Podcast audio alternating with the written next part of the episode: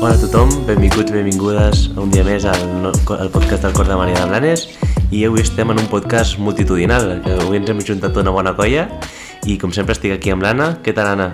Hola, molt bé.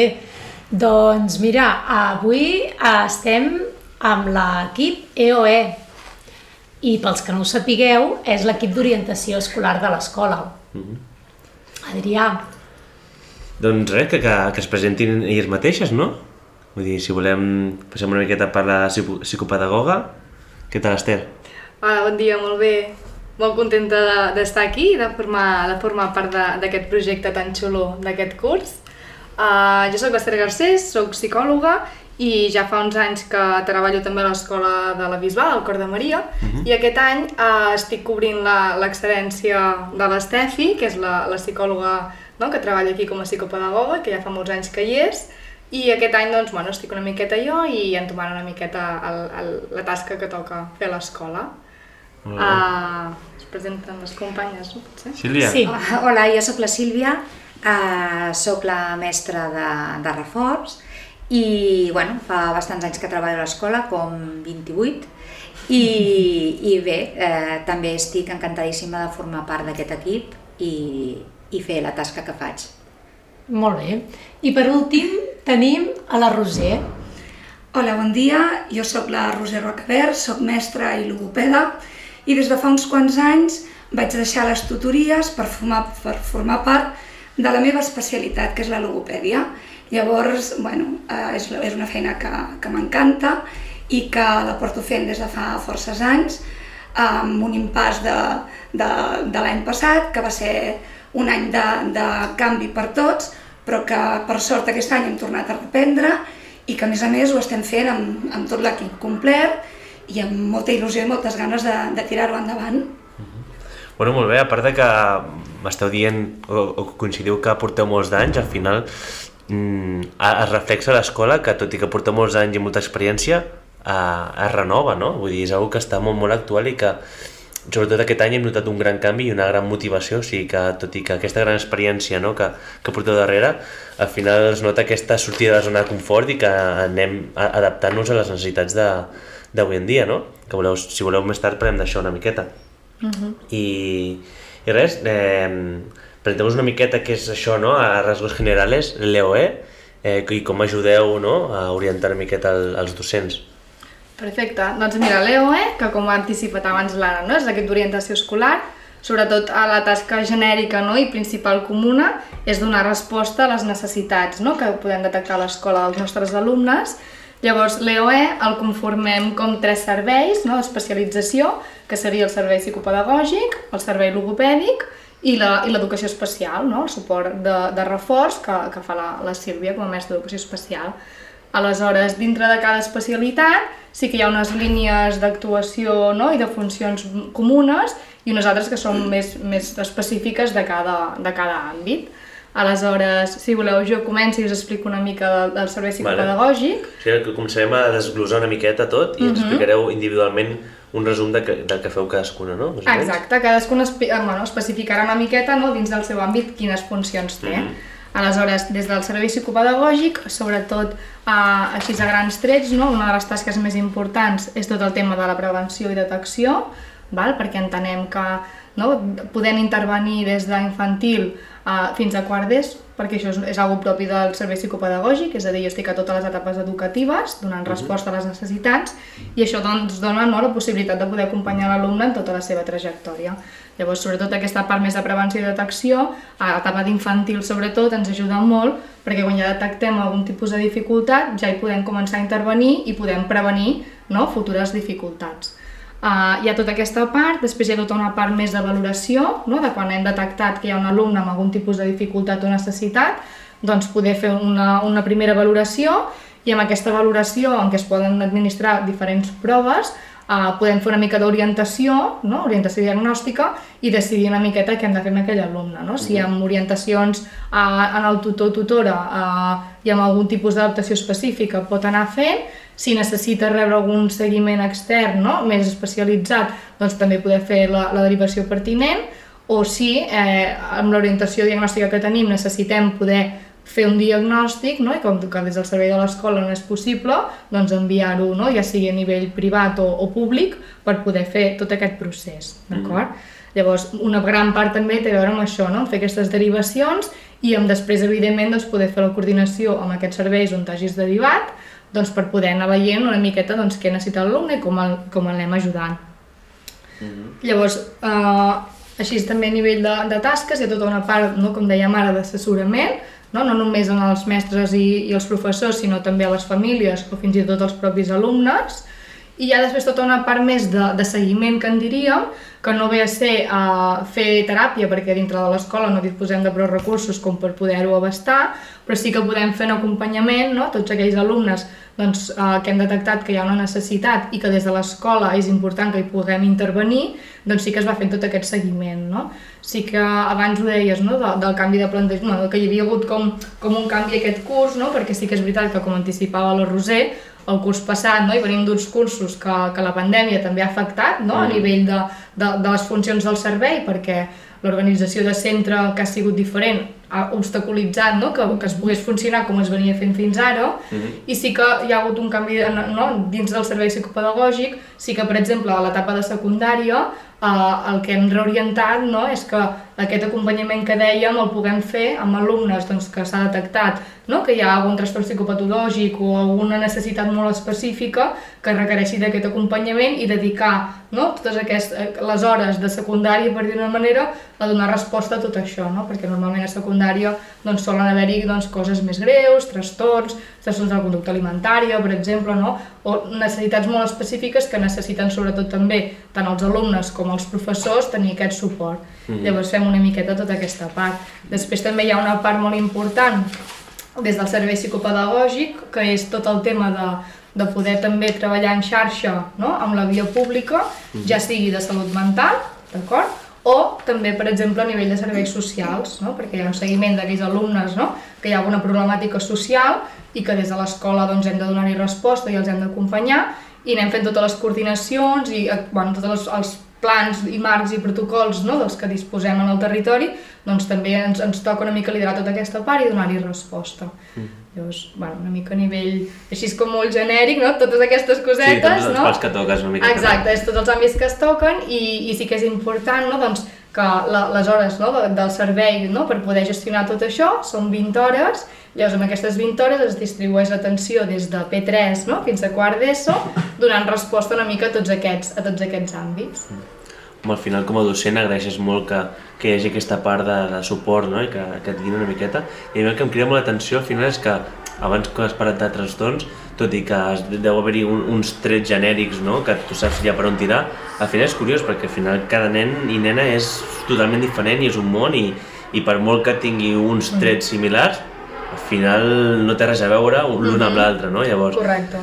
Per això deia no, que agraïm aquesta, aquesta mena de guia, perquè bueno, per molt que sàpigues per on, per on vas, mm. és això, és molt diferent i, i, i, bueno, i, i també és, és d'admirar una miqueta el, el vostre el vostre ofici de saber de cantar mm, i donar, i donar aquestes guies correctament, no? De dir, uh mhm. -huh. tot i que jo sé que això és un trastorn, mmm, potser no has de seguir aquesta via, has de seguir l'altra, no? Uh mhm. -huh. bueno, aquest, aquesta guia més personalitzada, potser, diguéssim. Exacte, hi ha una feina que en aquest sentit és molt important, no? de conèixer els alumnes, de poder, no? de poder observar-los, de poder-los valorar, perquè així després com pots acompanyar bé, no? I mm -hmm. estic d'acord que, evidentment, no? hi ha unes pautes genèriques, no? Pues jo què sé, quan l'alumne té no? un diagnòstic, per exemple, de TDA, no? que és algo que, que hi ha una prevalència molt elevada, no? però uh -huh. evidentment després no? tu t'has de mirar aquell nen no? i de dir, va, doncs en aquest cas no? què li funciona, què necessita, com ho fem i doncs jo penso que aquí el treball no? mano a mano amb el, amb el professor és molt important, uh -huh. no? perquè al final vosaltres hi dediqueu moltes hores, esteu moltes hores amb els alumnes, els coneixeu molt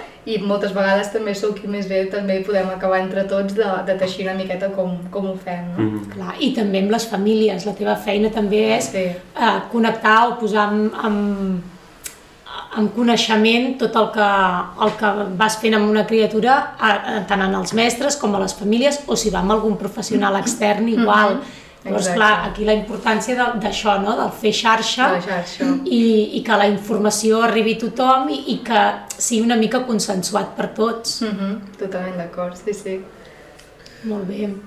Bueno, molt bé. Bueno, i, ten, i teniu molts alumnes. Aquest any, eh, que sí, que per, Correcte, per sí, l'equip- sí. La, la, la banda Ha no, anat que ha, creixent, eh, que sí? realment és, és, el volum és molt, és molt alt, no? I realment, si mires no, de cada curs, no? només de, de cada curs, els dos grups, no? quants alumnes necessiten rebre no? suport del, del servei psicopedagògic, realment és, és molt elevada, no? i és això, i Mm. cada cop més és, és més elevada, no? jo penso que una mica per fruit de, de situació no? social, contextual i de més, i perquè jo penso que també cada cop la mirada dels Exacte. professors i dels mestres no? Està més afinada, llavors teniu més eines per detectar, llavors si detecteu més també no? jo puc intervenir més no? i al final és, Clar, roda. és el que parlàvem l'altre dia, que dèiem, ostres, ara uh, hi ha molts dislèxics, no? És que segurament sempre n'hi ha hagut, però abans passaven per alt. Eren criatures que al final, uh, mira, no li van bé les llengües o no entén el que llegeix, però és que realment no es coneixia quina era la problemàtica, o igual que els alumnes amb, amb dèficit d'atenció o amb hiperactivitat, tot, tot aquest tipus de problemàtiques abans estaven a les aules igual que ara, però, Exacte. però quedaven allà. Mm -hmm. El coneixement ara és més ampli. Moltes vegades el que, el que s'han confós aquests nens és que han passat una mica amb l'etiqueta de que són nens ganduls, que, que es despisten, i és perquè realment tenen moltes dificultats doncs, o per tenir atenció, o per desxifrar els missatges, Clar. i llavors, clar, es posava tot a dintre del mateix sac, no? I quan analitzes en detall te n'adones doncs, que potser darrere hi ha unes capacitats intel·lectuals importants i que simplement hi ha una, una dificultat en un aspecte. Llavors ens podem filar molt més prim i, i determinar doncs, quin diagnòstic té per poder-lo ajudar també. I, Clar, Sí. posar-hi les eines i ajudar-los. Exacte. Molt bé, doncs, mm, Sílvia, ens, ens, vols explicar el teu paper? Sí, i tant. Uh, doncs, bueno, el meu paper és una miqueta, bueno, és, és el treball de camp. És el treball doncs, que faig directament doncs, amb l'an- amb l'alumnat amb dificultats eh, específiques d'aprenentatge. I com els ajudo? Doncs els ajudo doncs, a resoldre les seves dubtes, a oferir estratègies per facilitar aquest aprenentatge, eh, treballem mà a mà amb ells, no? I, i, i llavors bueno, són alumnes que normalment doncs, necessiten un acompanyament, eh, necessiten també d'uns suports específics i, i bueno, intento al màxim ajudar-los a que millorin en aquest aspecte, bueno, aquest procés de, d'ensenyança-aprenentatge. Aquest bàsicament és una mica eh, el meu paper. Mm. També un, bueno, una altra part seria doncs, eh, detectar a vegades aquestes dificultats que hem estat parlant abans, eh, poder-les detectar doncs, abans, no? perquè, perquè puguin ser resoltes. No?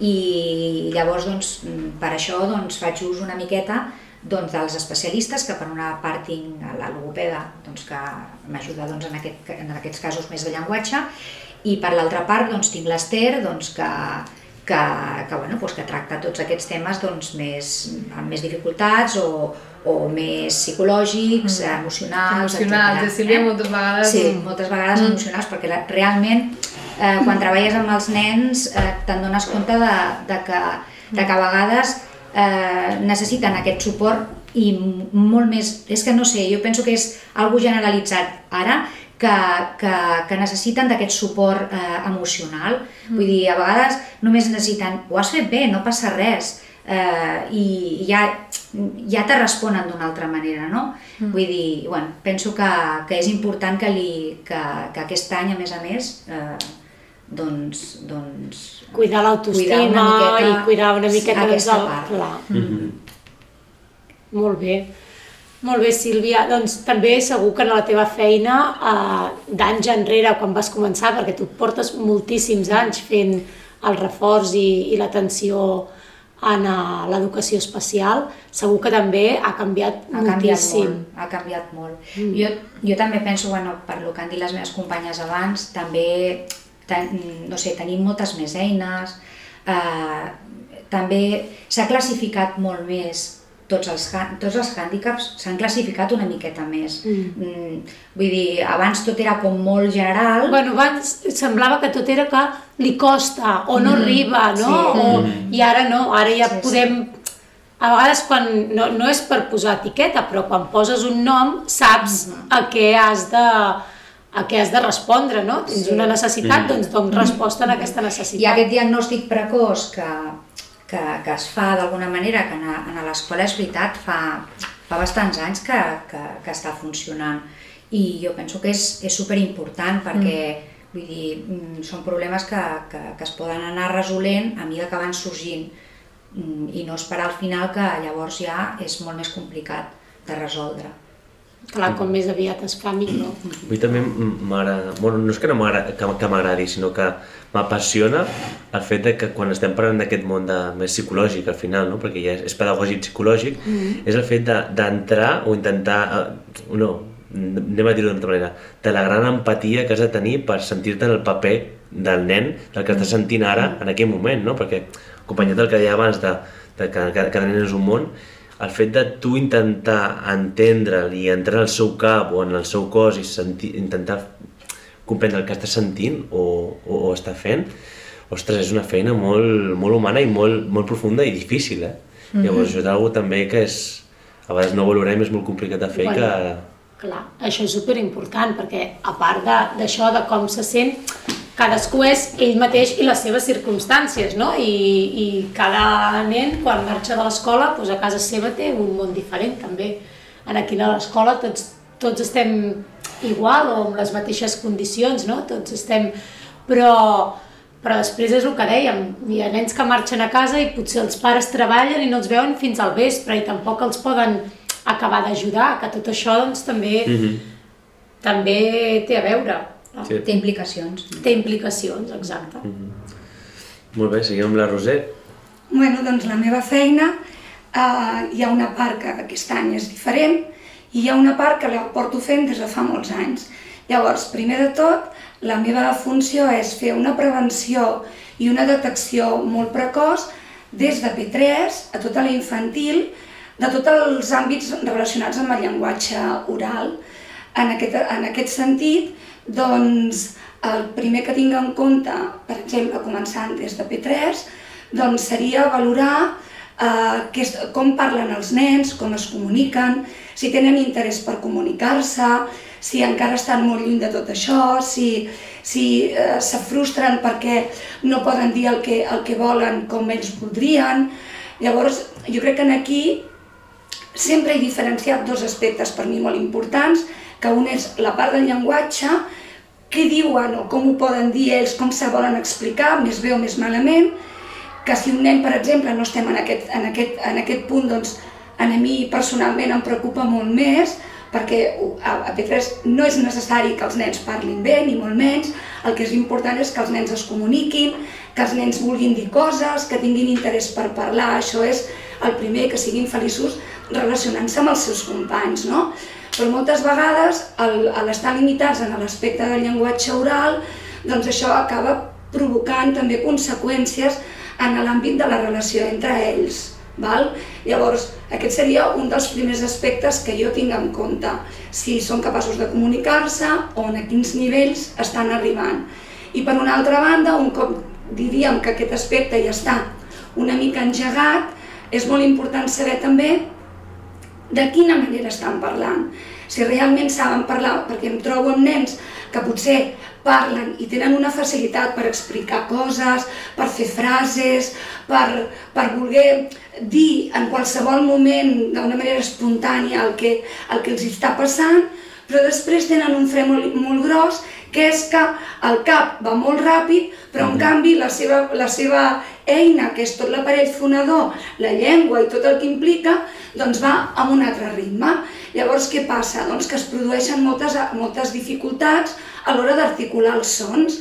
I clar, a lo millor aquest llenguatge que està molt, molt, molt clar en el seu cap, costa molt de, de treure'l cap a fora, no?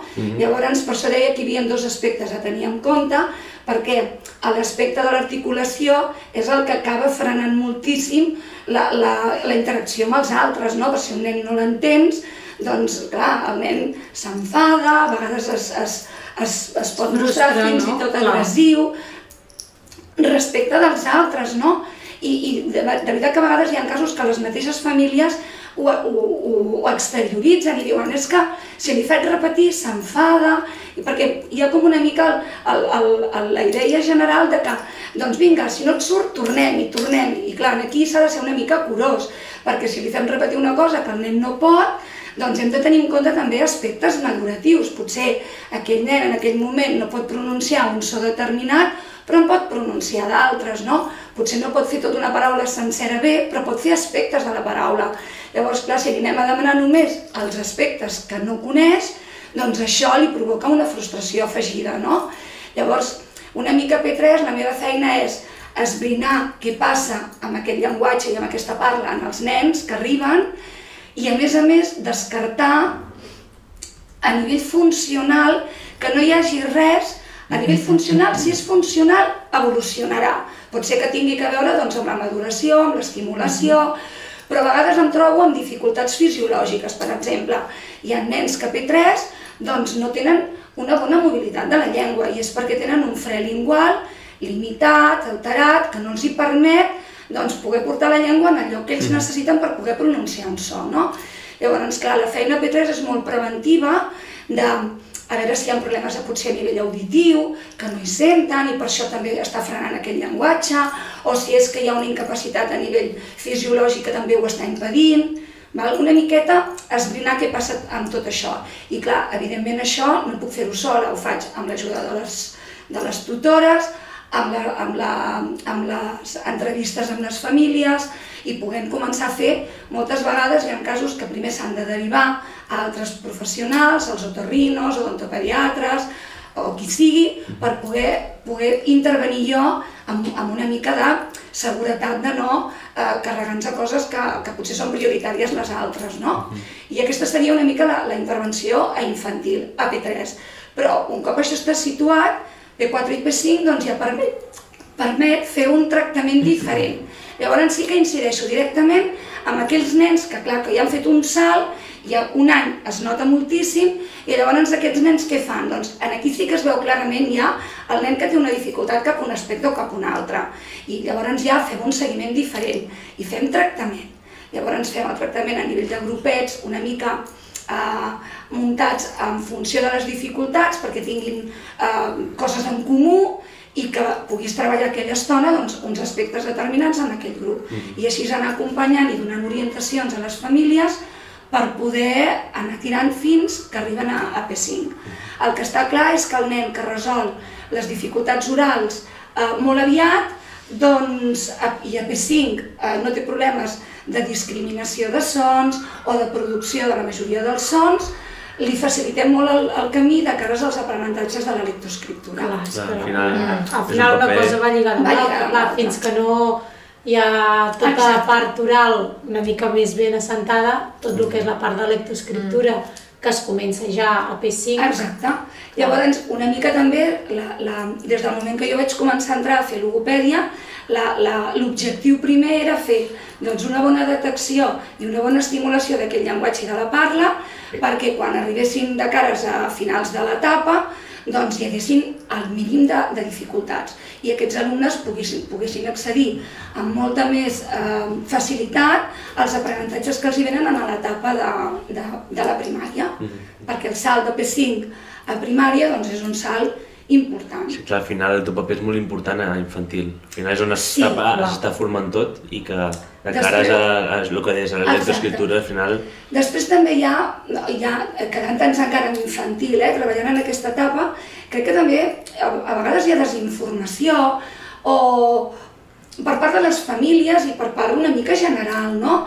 Uh, no es valoren massa doncs, si el nen té ma- mals hàbits o els veuen, sovint els veuen petits i, i clar, els veuen petits, però si tu compares el grup, notes que hi ha desnivells, no? O sigui que la meva feina també és una miqueta aquest acompanyament a les famílies, doncs controlant que arriben amb, amb alguns hàbits que poden arribar a ser realment lesius, com un abús del xumet o un abús del, de, de, de la lactància, per exemple, materna o, o artificial, amb una edat doncs, que el nen necessita ja una mobilitat de, de la llengua que si posem obstacles doncs també l'està limitant.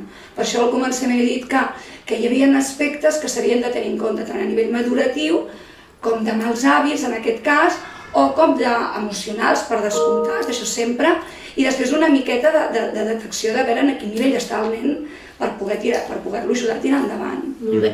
Mira, Roser, d'aquest tema de, dels hàbits, eh, eh, dels bons hàbits, doncs per eh, fomentar que es pugui articular bé i tot això, jo recordo que anys enrere havies fet una xerrada pels pares Sí. de B3 i potser seria interessant eh, fer més endavant un altre podcast, potser més dedicat a, Sí. a mm, incidir doncs, en tots aquests hàbits i totes aquestes recomanacions que a les famílies ens aniria molt bé. Jo crec que és interessant perquè moltes vegades es fan les coses com, com sense saber el per què o les conseqüències que porten, no? Ahà. I el fet de poder donar aquesta informació, com a mínim després, un cop la tens, cadascú és lliure per decidir què vol fer. Jo no exigiré a ningú, ni ho he fet mai, jo recomano i, i exposo les dificultats i, la, i el que pot venir després, no? Si tu fas una bona prevenció, que, que això és una part important de la meva, de la meva feina, doncs eh, eh, moltes coses que poden passar a, a llarg plaç doncs les podem prevenir, no? Eh, si no s'ha fet aquesta prevenció, doncs acaben sortint alteracions eh, de la parla doncs molt més endavant i ja no només de la parla, sinó per exemple a nivell de maloclusions, de, de maloclusions dentals o altres històries que potser ara diem són petits, encara no hi han caigut dents i no passa res i en el moment que, que, que hi ha un recanvi dental doncs apareixen aquestes dificultats, no? O sigui que... I a nivell d'alimentació també, eh? vull dir que és una mica general tots els aspectes a tocar. Vale, bueno, molt bé. I llavors, per anar acabant, eh, tot, tot el que hem estat parlant fins ara, a part de, de definir-ho com a, a ajuda, també podríem treure la paraula inclusió, no? I parlar una miqueta d'aquesta paraula i com l'estem aplicant a l'escola, no? Una miqueta saber la vostra opinió, per si, bueno, com a manera també de concluir el podcast, que crec que és molt interessant. A mi em quedaria per dir si...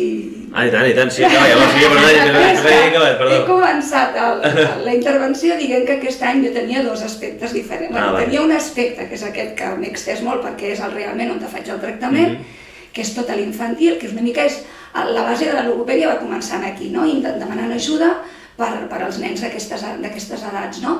Llavors aquest any, a, a, dintre de la meva feina com a logopeda, eh, faig una intervenció a tota la primària, molt breu, eh, dedicada només en aquells alumnes que tenim en llista perquè els mestres ens han demanat o perquè anem observant al llarg del curs, per poder fer una detecció de en quin punt estan en la seva evolució del llenguatge escrit. I en aquí hi entraria la lectura i l'escriptura. O sigui, a infantil és més el llenguatge oral i a nivell de, de primària seria el llenguatge escrit i la, lectoescri- la lectura, no?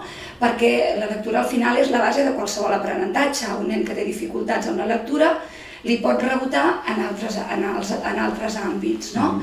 Llavors aquest any faig una miqueta aquesta prevenció i detecció, en alguns casos amb ajuda de l'Ester, que jo detecto tot, o faré proves a nivell de llenguatge, i l'Ester eh, si ha de fer proves a nivell de capacitats o més tipus emocional, doncs complementarem les dues, les dues mm, bandes per poder fer una mica d'orientació diagnòstica. I d'aquesta manera també eh, mm, tenir més clars els casos que ens, que, que ens, ens preocupen i en els casos que potser estem molt, molt, molt al principi, com cicle inicial, doncs ja tenir una mica de registre de quina evolució van fent, perquè si més endavant fa falta, doncs poder determinar si realment necessiten aquesta orientació diagnòstica, Clar. assessorament a famílies, a les, als professors, etc. Sí, de fet, ara hem explicat com els tres serveis com molt fragmentats, no? però al final, doncs això, no? les tres som un equip, som l'equip d'orientació escolar, i nosaltres cada setmana ens reunim, dediquem més de dues hores no? a revisar una mica quines valoracions hem fet, quines noves demandes i peticions tenim, no? perquè moltes vegades doncs això, no? alumnes que potser comença la Roser a valorar i detecta no? que no és només un tema de, de llenguatge, no? sinó que hi ha més aspectes, doncs jo segueixo la valoració i la fem conjunta, no? o inclús moltes vegades la Sílvia detecta no? amb aquests alumnes que fa el reforç que potser també hem de fer una valoració o al revés, passen primer per valoració i després se'n van amb la Sílvia, no? vull dir que al final és un treball conjunt i una miqueta enllaçant amb el que ens plantejaves, no? jo penso que al final aquí està no? la fórmula de dir, val, doncs Uh, sabem que tenim alumnes amb necessitats molt concretes, siguin del tipus que siguin, no? perquè, perquè això no poden ser logopèdiques, poden ser més psicològiques, poden ser més socials, familiars, el que sigui. No? Hi ha unes necessitats, llavors una miqueta el que fem és traçar no? Val, com aquestes, quina resposta li donem a aquestes necessitats i com ho fem perquè l'alumne dintre de l'aula no?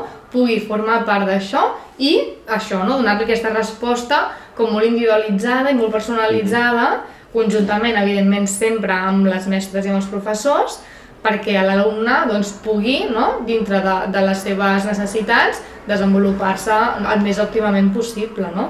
I jo penso que aquí està la clau de la inclusió, no, no només integrar els alumnes com s'havia fet antigament a, a l'aula, sinó que formin part d'això, no? i també doncs, moltes vegades també eh, ajudem no? en els professors si hi ha, per exemple, un alumne amb un diagnòstic molt específic, com pugui ser un TEA, no? doncs a treballar amb el grup, no?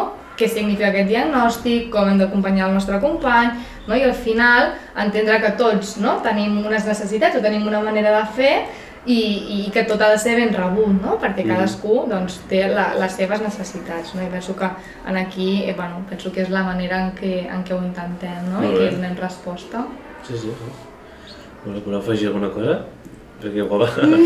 és que ha parlat molt bé, l'Ester. No, no, no, parla no, no, no, la volem, Jo, no, jo la volia, no dir res més. No, no, ha, ha acabat molt bé i jo crec que a mida de, a manera de, de conclusió final doncs la podríem deixar aquí. El que sí que m'agradaria és que com que eh, hem fet una presentació de, de l'equip EOE, doncs com dèiem amb la Roser i amb cada una de vosaltres, doncs fer una altra trobada més individual doncs per potser parlar de temes més concrets de la vostra feina o de com viviu el vostre dia a dia, de quines diferències hi ha de com es treballava abans a com es treballa ara, què és el que més ens trobem, Mm, una miqueta doncs per, per aprofundir més amb la feina de cada una de vosaltres. I tant. Nosaltres encantades de col·laborar i de, i de donar resposta a tot això. Clar, al final també és una cosa que de cara a les, ara penso que de, de cara a les famílies també els ajudarà a tenir aquesta visió, no?, de que és un equip que sí, l'EOX, que saben que està i que està allà, però Clar, potser hi ha no... famílies que potser no l'han necessitat mai i tampoc saben ben bé quina és la vostra feina. Exacte. Exacte, i que saben que està allà, però bueno, però que no, ja està, no? Llavors això també està bé de casa les famílies conèixer individualment la, el treball de cadascú. I tant. Molt bé. Sí, molt bé. Molt bé, Molt bé. doncs Adrià, tenim cançó Sí, avui. tenim cançó, tenim cançó. tenim cançó de- d'en Didac, de sisè. Eh, crec que és un any que vaig tenir l'any passat jo, i que vol dedicar aquesta cançó als seus companys i companyes de la classe, que es diu Love Niwanti. No, Niwantiti. Ni Guantiti. No sé, molt rara. Eh, el nom, eh? I és... Estem la- descobrint nous L'autor és... eh? Home, la Framis va ser maca aquella. eh? L'autor és C. Kai. O sigui, C. K de quilo, A. Y. Bueno, doncs aquí us deixem amb la cançó d'en Didac. Exacte. Fins aviat, ens trobem a la setmana que ve. Adéu. Adéu. Yeah, my baby, my Valentine. Yeah. Can I hit the make you what temperature is? If you leave me a good time, I swear.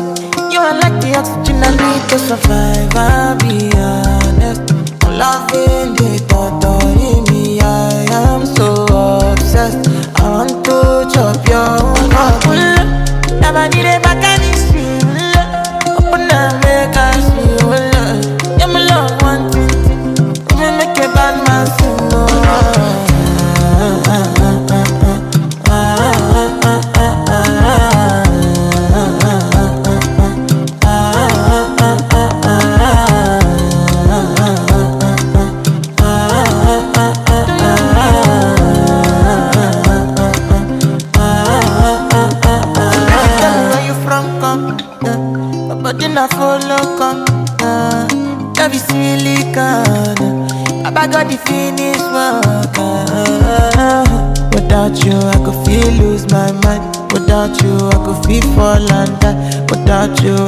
I give up my life. Without you, without you, never need a back and it's real. Open up,